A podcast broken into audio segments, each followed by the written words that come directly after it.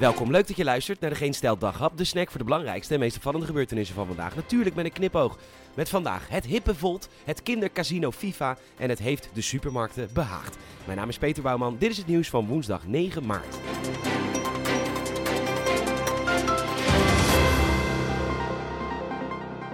Volt is zo'n lekkere, jonge en hippe partij die altijd direct met de laatste rages meedoet. Sterker nog, bij Volt kunnen ze altijd zeggen: ja, wij deden dat al voordat het in was. Wij eten al jaren geen vlees, wij drinken al jaren chai latte, kokosmelk en we waren echt de allereerste politieke partij die preventief en zonder enig bewijs iemand beschuldigde van overschrijdend gedrag en hem, haar, het de kamer uitminkerde. Maar hey, die rechters in Nederland, dat zijn echt van die ouderwetse grijze dakduiven zonder enig gevoel voor hippe trends en kekkerages. En die fluit Volt terug omdat de rechter nog niet met de rage is meegegaan dat het doodnormaal is om iemand te beschuldigen en te straffen zonder enig bewijs. Baba. 5000 euro boete voor Volt en ze mag weer plaatsnemen in de fractie. Het zou een gezellige terugkeer zijn.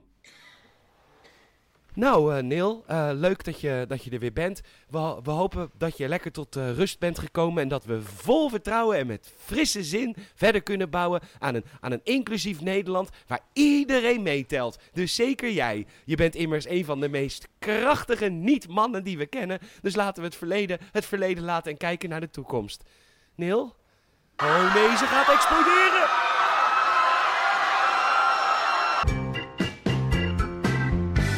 Nou, het heeft de supermarkten behaagd hoor. Ze gaan de blikjes inzamelen als er straks statiegeld op komt.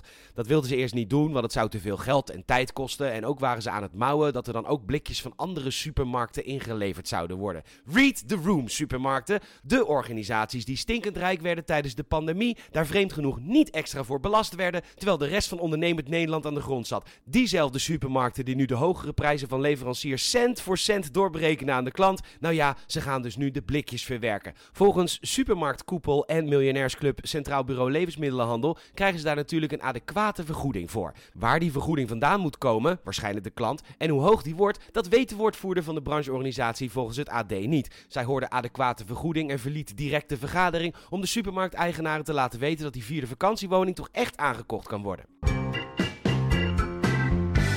Kijk, de Raad van State is de hoogste algemene bestuursrechter van Nederland en bestaat bijna exclusief uit hele oude mensen. Mensen die geen computerspelletjes spelen, laten we maar zeggen. En toch moesten zij vandaag oordelen over het computerspel FIFA. De Nederlandse kansspelautoriteit had namelijk geoordeeld dat FIFA Ultimate Team een gokspel is. Dat zijn digitale kaartjes, een beetje als de Panini-kaartjes van vroeger, die je kunt kopen en dan hoop je dat er een goede speler uitkomt. Dat is volgens de Nederlandse kansspelautoriteit, mede omdat sommige van die kaartjes heel veel geld waard zijn en bovendien je kunt ze verhandelen, dat is dus gewoon gokken. Prima, moet iedereen voor zichzelf weten, maar bovendien maakt ontwikkelaar Electronic Arts actief reclame met als doelgroep jonge kinderen. Ze betalen jonge influencers en adverteren in magazines gericht op kinderen. Neem gerust een gokje op oudere leeftijd. FIFA Ultimate Team is gewoon een kindercasino. Dat vond en vindt de kansspelautoriteit, dat vond en vindt de rechter en dat vond en vindt iedereen die jonger is dan 50. En dus ging ontwikkelaar Electronic Arts in hoger beroep bij de Raad van Baarden. En niemand daar snapt natuurlijk wat een game is. En jemig, hoe kun je ooit in een computerspelletje geld uitgeven en spelers verhandelen? En ach, mijn kind maakt zulke leuke TikTok-filmpjes. Dat snapt daar niemand. Ja, behalve Amalia dan. Maar die is nu lekker aan het drinken en aan het naaien en aan het roken en van het leven aan het genieten. Ook belangrijk, ze is immers geen kind meer. Dat in tegenstelling tot de vele gedupeerden van kindercasino FIFA Ultimate Team. De NOS laat weten dat het kabinet nog dit jaar de laagste inkomens wil tegemoetkomen om hun koopkracht te verbeteren. En dan hoor ik u denken, alweer die lage inkomens, wanneer word ik, Jan Modaal, eens geholpen? Wacht rustig af Jan, in dit tempo behoren we allemaal tot de minima binnenkort. Zin in!